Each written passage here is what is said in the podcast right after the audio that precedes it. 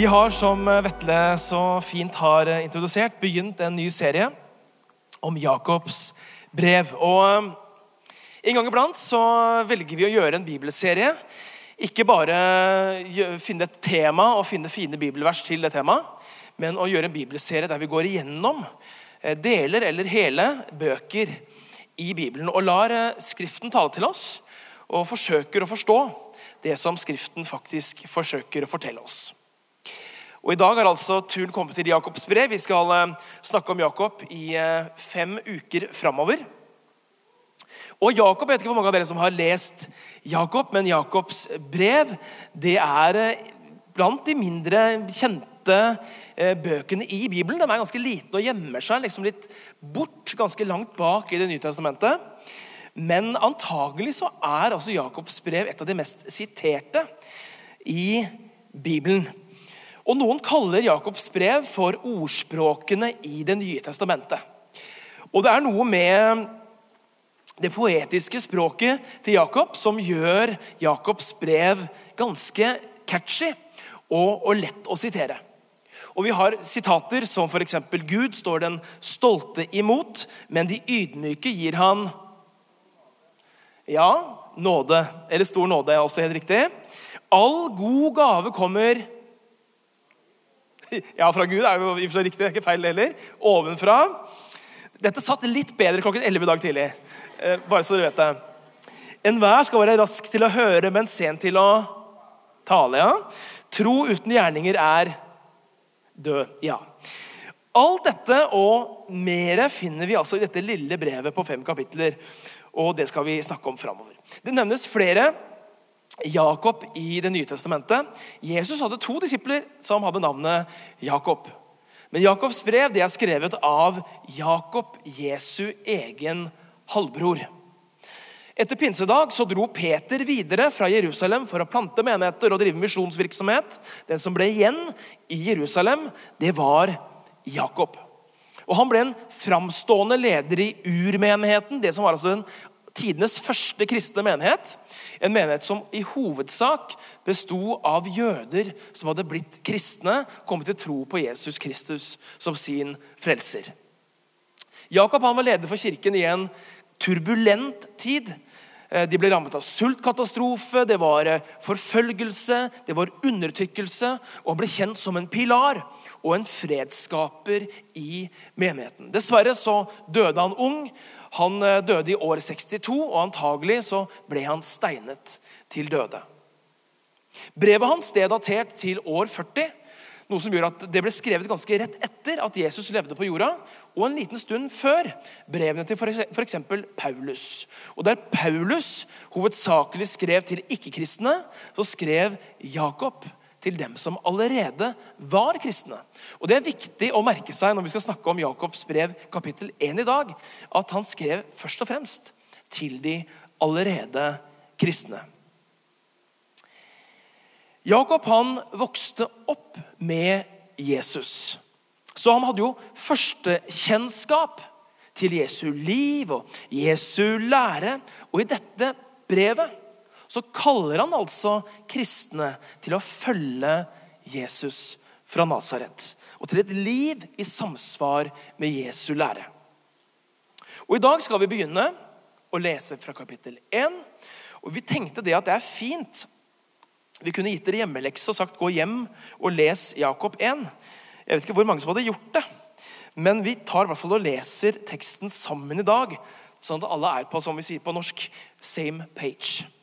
Så vi leser. Det kan ta noen minutter, men følg med enten på det jeg sier, eller gjerne på det jeg sier, men også på skjermen bak meg. Vi leser i Jesu navn. Jakob, Guds og Herren Jesu Kristi tjener, sender sin hilsen til de tolv stammer som er spredt omkring i fremmede land. Se det bare som en glede, søsken, når dere møter alle slags prøvelser. For dere vet at når troen blir prøvet, skaper det utholdenhet. Men utholdenheten må føre til fullkommen gjerning, så dere kan være fullkomne og hele uten noen mangel.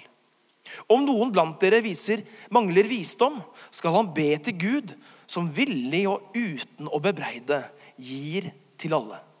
Og han skal få. Men han må be i tro uten å tvile. For den som tviler, ligner en bølge på havet som drives og kastes hit og dit av vinden. Ikke må et slikt menneske vente å få noe av Herren, splittet som han er og ustø i all sin ferd. En bror som står lavt i rang, skal være stolt av hvor høyt han blir satt. Og en rik mann skal være stolt av hvor lavt han blir satt. For som blomsten i gresset skal han forgå. Solen stiger med sin brennende hete. Gresset visner, blomstene faller av, og all den skjønnhet er borte. På samme måte skal den rike visne midt i alt sitt strev. Salig er det mennesket som holder ut i fristelser. For når han har stått sin prøve, skal han få livets seierskrans, som Gud har lovet dem som elsker ham. Ingen som blir fristet, må si 'det er Gud som frister meg', for Gud fristes ikke av det onde, og selv frister han ingen. Alle blir fristet av sitt eget begjær, som lokker og drar. Når lysten har blitt svanger, føder den synd, og når synden er moden, føder den død. La dere ikke føre vill, mine kjære søsken. All god gave og all fullkommen gave kommer ovenfra, fra ham som er himmellysenes far. Hos ham er det ingen forandring eller skiftende skygge. Av sin egen vilje har han født oss ved sannhetens ord, for at vi skal være en førstegrøde av dem han har skapt. Dette må dere vite, mine kjære søsken. Enhver skal være rask til å høre, men sen til å tale, og sen til å bli sint. For sinne hos et menneske fører ikke til det som er rett for Gud. Legg da av alt urent og all ondskap, og ta ydmykt imot det ordet som er plantet i dere, og som har makt til å frelse sjelene deres. Dere må gjøre det ordet sier, ikke bare høre det. Ellers ville dere bedra dere selv. For den som hører ordet, men ikke gjør det ordet sier, ligner en mann som ser på ansiktet sitt i et speil. Han ser på det, går sin vei og glemmer straks hvordan han så ut. Men den som ser inn i frihetens fullkomne lov og fortsetter med det, blir ikke en glemsom hører, men en gjerningens gjører. Et slikt menneske skal være lykkelig i sin gjerning. Den som mener at han dyrker Gud, men ikke holder tungen i tømme, bedrar seg selv, og hans gudsdyrkelse er uten verdi. En gudsdyrkelse som er ren og feilfri for Gud, vår far, er å hjelpe enker og foreldreløse barn i deres nød. Og ikke la seg flekke til av verden. Amen.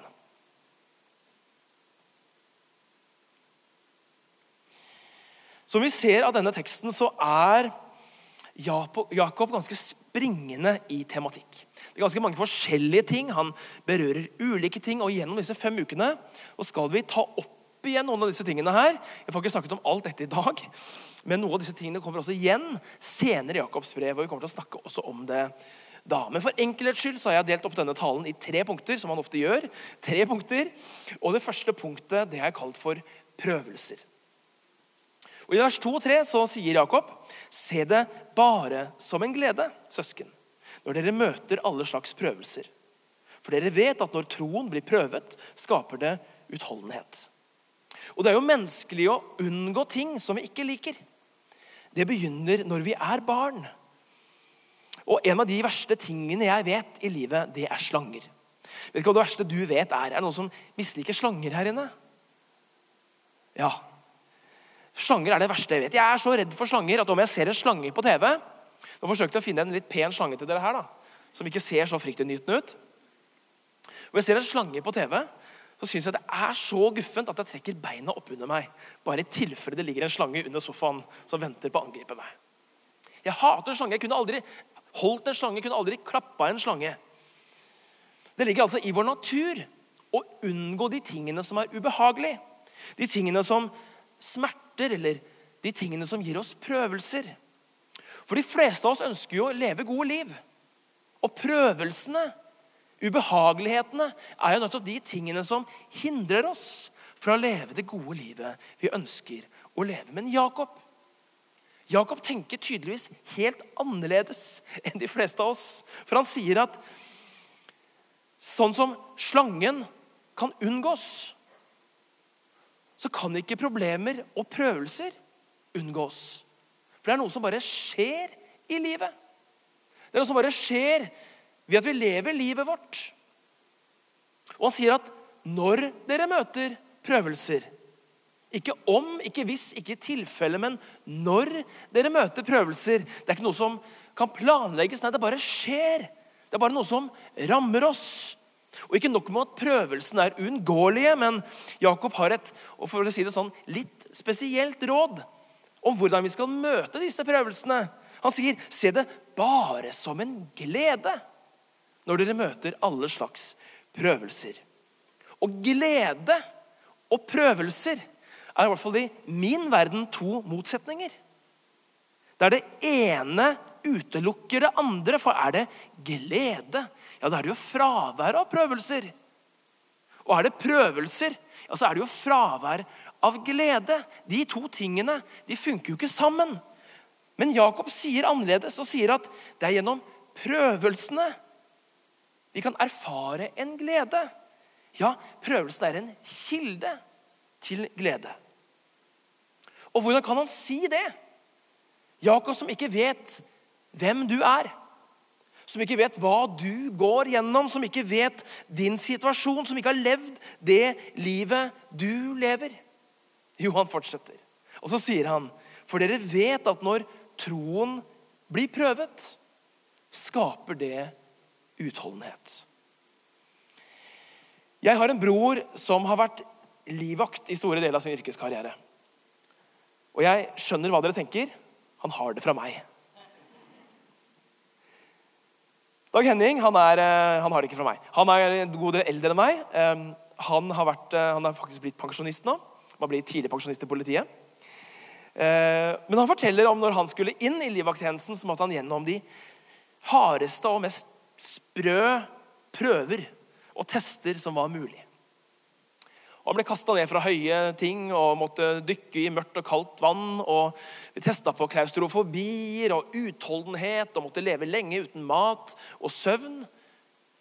Hvorfor det? Jo, fordi at når du skal være livvakt, så må du forberede deg på potensielle hendelser. Og En av min, min brors tidligere kolleger, Kristine Vorpvik, hun var eh, livvakt for kongefamilien i, i mange mange år. Hun ble intervjua, og hun sa det å trene på ulike scenarioer gjør at man får flere mentale knagger. Slik at dersom man kommer opp i en situasjon, så handler man raskere fordi den er gjenkjennbar. Med andre ord en livvakt som ikke har vært gjennom prøvelser, er en ubrukelig livvakt. Du ville ikke hatt en person som ikke hadde vært gjennom den treningen til å passe på deg. Hvorfor? Jo, fordi at den personen ville ikke gjenkjent en situasjon når den oppsto. Og den personen ville ikke kunne beskytte deg når du trengte det som mest. Og Jakob sier på mange måter det samme. Han sier at prøvelser i livet det kan vi ikke unngå. Det bare skjer. Og det rammer oss alle i større eller mindre grad. Så la oss like gjerne benytte prøvelsene til noe godt når det allikevel skjer. Som en forberedelse som forbereder oss til å takle livet når vi trenger det som mest. Jeg har for å være ærlig, vært spart for de største tragediene i livet sånn foreløpig. Men jeg har vært gjennom en del ting i mitt etter hvert ganske lange liv. Og jeg har vært åpen med noen anledninger om at jeg også har hatt utfordringer med angst og depresjon. Og jeg vil jo ikke si at jeg er glad for at jeg har hatt problemer med angst og depresjon. Men jeg vil si at jeg kan være glad for det jeg har lært gjennom angst og depresjon. For i samtale med psykolog og fagfolk og kolleger og venner og familie så har jeg lært mye om meg selv som ikke jeg visste fra før. Og så har jeg blitt forberedt på å takle livet på en litt annen måte. Og takle livet når dere kanskje trenger det aller mest. Så vi gleder oss ikke over prøvelsene, men vi kan glede oss over styrken vi får gjennom prøvelsene, lærer Jakob oss. Vi får altså sånne mentale knagger, som Kristine Vorpevik ville sagt det. Eller vi får visdom, som Jakob ville sagt det. En visdom som vi aldri ville fått uten gjennom prøvelsene. Så Det første var prøvelser. Det andre det er fristelser. Og Jakob sier i vers 12.: Salig er det mennesket som holder ut i fristelser. For når han har stått sin prøve, skal han få livets seierskrans, som Gud har lovet dem som elsker ham. Ingen som blir fristet, må si 'det er Gud som frister meg'. For Gud fristes ikke av det onde, og selv frister han ingen. Alle blir fristet av sitt eget begjær, som lokker og drar. Når lysten har blitt svanger, så føder den synd. Og når synden er moden, føder den død. Hvis jeg spør deg, hva er din største fristelse i livet? Tenk to-tre sekunder på det. Hva er din største fristelse i livet? Og Jeg skal ikke be deg om å dele det med sidemannen eller sidekvinnen, for det hadde kanskje ikke vedkommende tålt. Akkurat som alle møter prøvelser, så erfarer vi alle også fristelser. Og For å bruke et litt ufarlig eksempel fra mitt eget liv da. En av mine største fristelser er Sørlandschips. Jeg har flere fristelser enn det, men av de jeg tenker jeg kan dra fram akkurat her i dag, og for at det skal være koselig her, så tar vi dette eksempelet. Salt sørlandschips. Er det flere som er glad i salt snacks? Ah, ja, Det er veldig få, faktisk, egentlig. Dere andre som ikke rakk opp hånda, er det sånn Vil ikke innrømme det, eller er det andre ting? Er det sjokolade? Er det noe sjokolade? Ja, ja, det kom dere. Det er fint. Og jeg er så glad i salt snacks. Og når jeg vet at når jeg begynner å spise sørlandschips, så er jeg ustoppelig. Og jeg stopper ikke før posen er tom, eller eventuelt Mariann tar den fram og sier nå er det nok. Og Det sies at fristelsen har fem stadier. Den første stadiet det er tanke. Det andre stadiet det er forestilling. Det tredje stadiet er rettferdiggjøring. Det fjerde stadiet er valg. Og det femte stadiet er konsekvens. Og skal vi bruke da dette potetgulleksempelet, og du kan fylle inn med de fristelsene du eventuelt har, inn i dette istedenfor potetgull. ok? Så Bruker vi potetgulleksempelet på dette her, så vil det se omtrent slik ut. Nummer én tanke. Nå fikk jeg lyst på potetgull. Du går kanskje forbi eh, stativet i butikken. Det er kanskje tilbud til og med.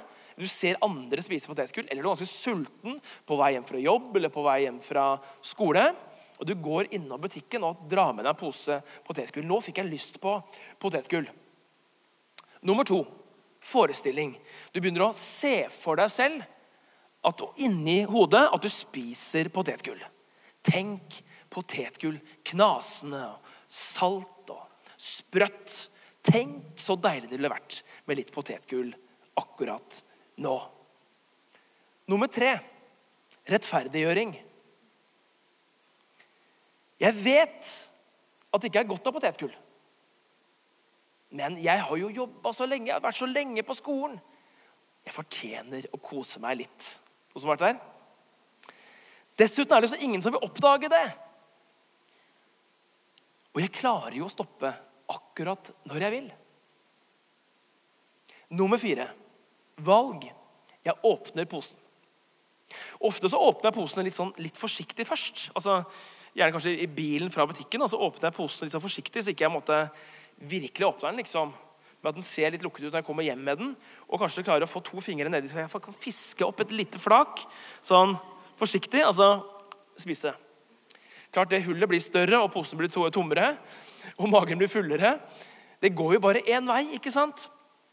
Bare en liten åpning. Men snart er posen tom.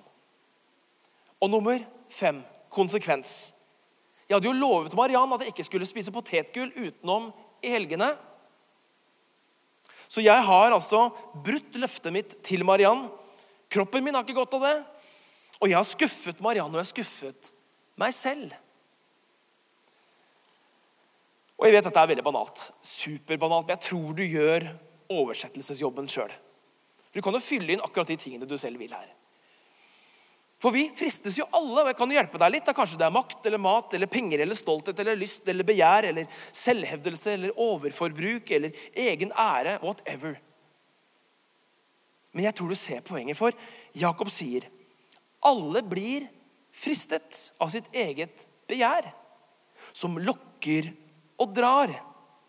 Når lysten blir svanger, føder den synd. Og når synden er moden, føder den død.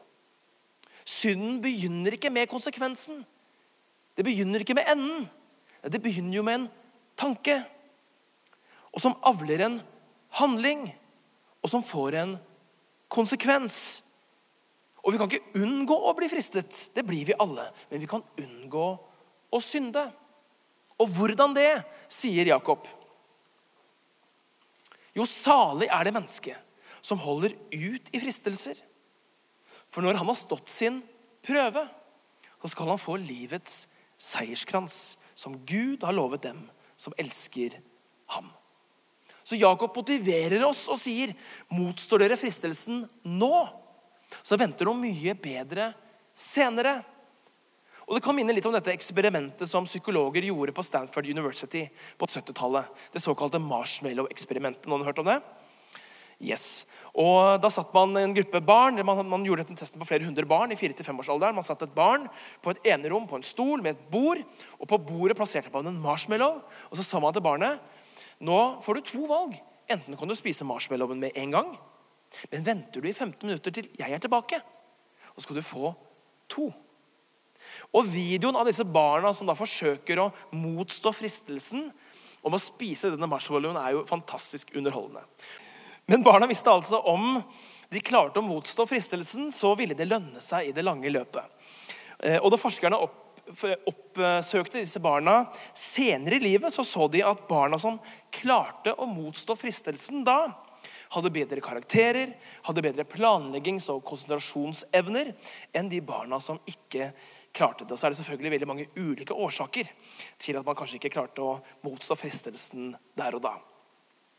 Men utfordringen for vårt samfunn det er at vi preges av det vi kaller for instant gratification, altså umiddelbar belønning. Vi vet hva vi vil ha, men vi vil ha det nå. Og vi har mistet evnen til å vente på noe som helst. Og Vårt slagord har blitt at den som venter på noe godt, den venter som regel altfor lenge.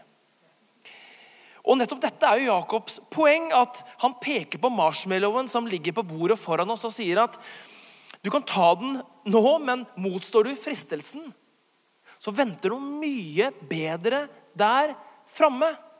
Ja, det lønner seg å vente. Det lønner seg å se hva som kan skje når du kan motstå fristelsen. For all god gave og all fullkommen gave, det kommer ovenfra. Fristelser ser kanskje forlokkende ut i øyeblikket, men belønningen i det lange løp er så mye, mye større. Da kan du vente, høste velsignelsen av at du har ventet. Og så er det det tredje. Og det er handlinger. For Jakob han avslutter dette kapittelet med å snakke om det som er en rød tråd gjennom hele dette brevet. Og det er litt krast. Han sier at dere må gjøre det ordet sier. Ikke bare høre det, ellers vil dere bedra dere selv.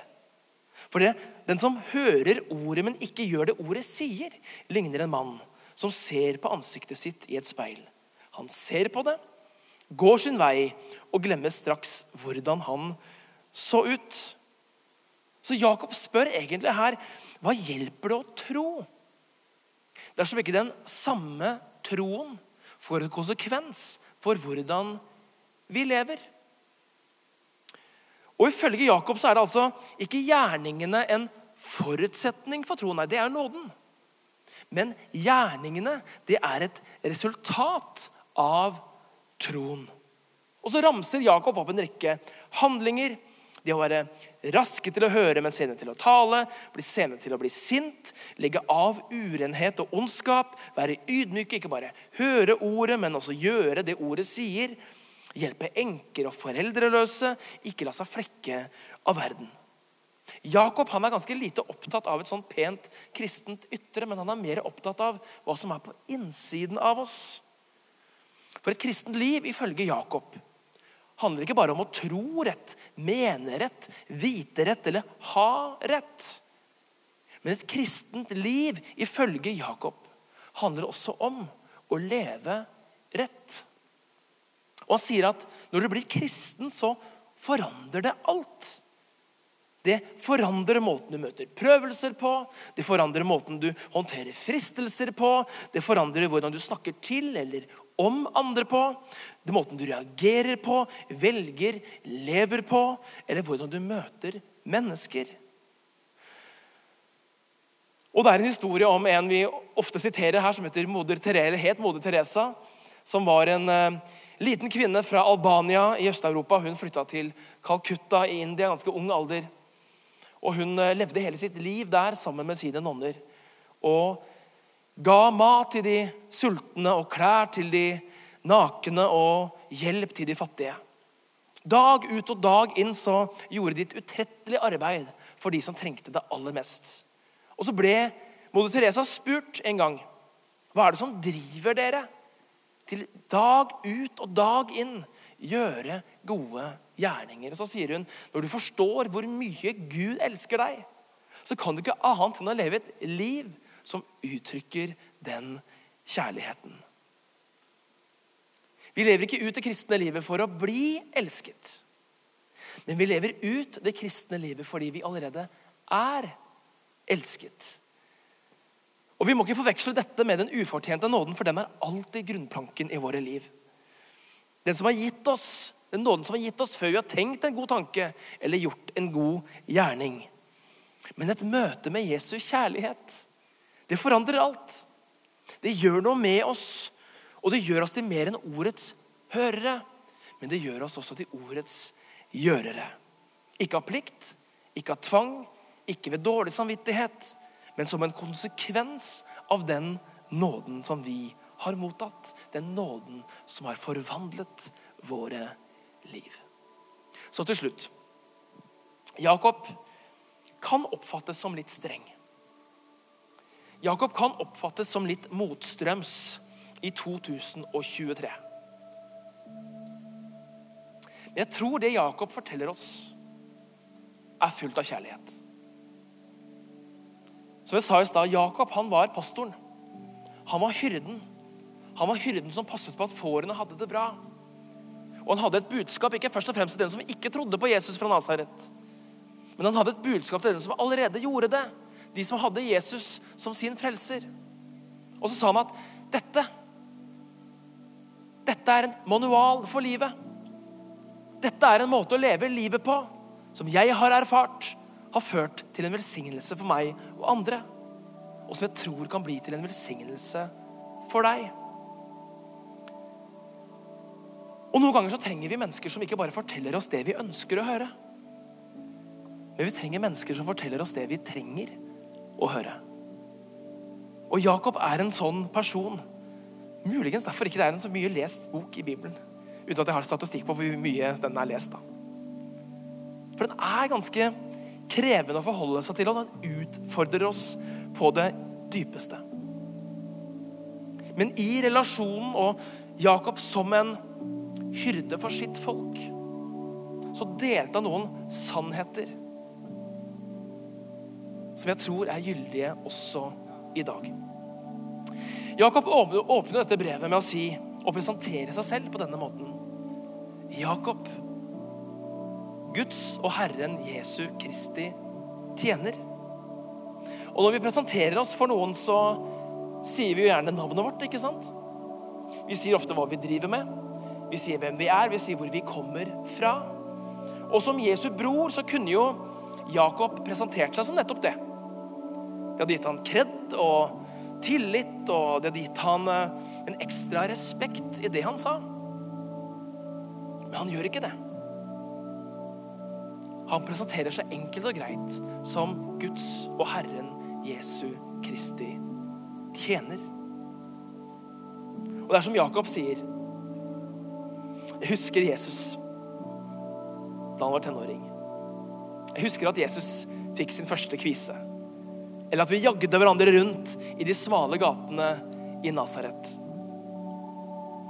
Jeg kjente ham som storebror. Jeg kjente ham som forbilde, jeg kjente ham som venn. Jeg kjente alt ved den gutten. Han var min egen bror, men så skjedde det noe. Han gikk for å være en bror til å bli noe mer. Og nå kjenner jeg ham som min frelser. Nå kjenner jeg ham som min herre, og jeg har valgt å være hans tjener. Og så oppfordrer Jakob oss til å gjøre det samme. Jeg vet ikke hvilket forhold du har til Jesus. Og det er ikke noe feil med noen av de tingene jeg sa nå. Det er godt å ha Jesus som forbilde. Det er godt å ha Jesus som venn, og det er han nå. Men Jesus er mer. Jesus er også din frelser. Han er også, eller vil også bli, din herre. Og Så sier Paulus, nei, unnskyld, Jakob at når man blir kristen, så får man en ny identitet. Og en ny identitet det gjør noe med oss. Det må vises i måten vi lever på. Det må vises i hvordan vi snakker om hverandre. Det må vises i hvordan vi møter prøvelser. Det må vises i hvordan vi overvinner fristelser i livene våre. Hvordan vi legger ned stolthetene våre, hvordan vi behandler de fattige. Fordi vi har fått tak i noe som er så mye bedre. Noe som er så mye mer. Noe som vi kan høste av et helt liv og inn i evigheten. Et velsignet liv. For enhver forvandling på innsiden må før eller senere vises på utsiden. Skal vi be sammen. Vi takker deg, gode Gud, for at du er her. Og du ser hva dette budskapet gjør med hver enkelt av oss. Du ser at for noen av oss så er det gode nyheter. For noen av oss er det et krevende budskap. For noen utfordrer det på dypet. For noen provoserer det kanskje, for noen så gjør det godt. Men samme hvordan dette budskapet lander i oss, her, så ber vi om at det skal bli et frø som faller i god jord. At ditt ord må tale til oss og tale direkte til oss inn i den situasjonen vi befinner oss i, Herre. Så at det frøet kan spire, og så vi kan høste velsignelsen av et liv i etterfølgelse av deg. Til velsignelse for oss selv, til glede for andre og til din ære. I Jesu navn. Amen. Du har nå hørt en podkast fra Filadelfia-kirken i Oslo. Vil du vite mer om oss, gå inn på filadelfia.no. Og ikke minst velkommen til å feire gudstjenester med oss hver eneste søndag, enten fysisk eller online.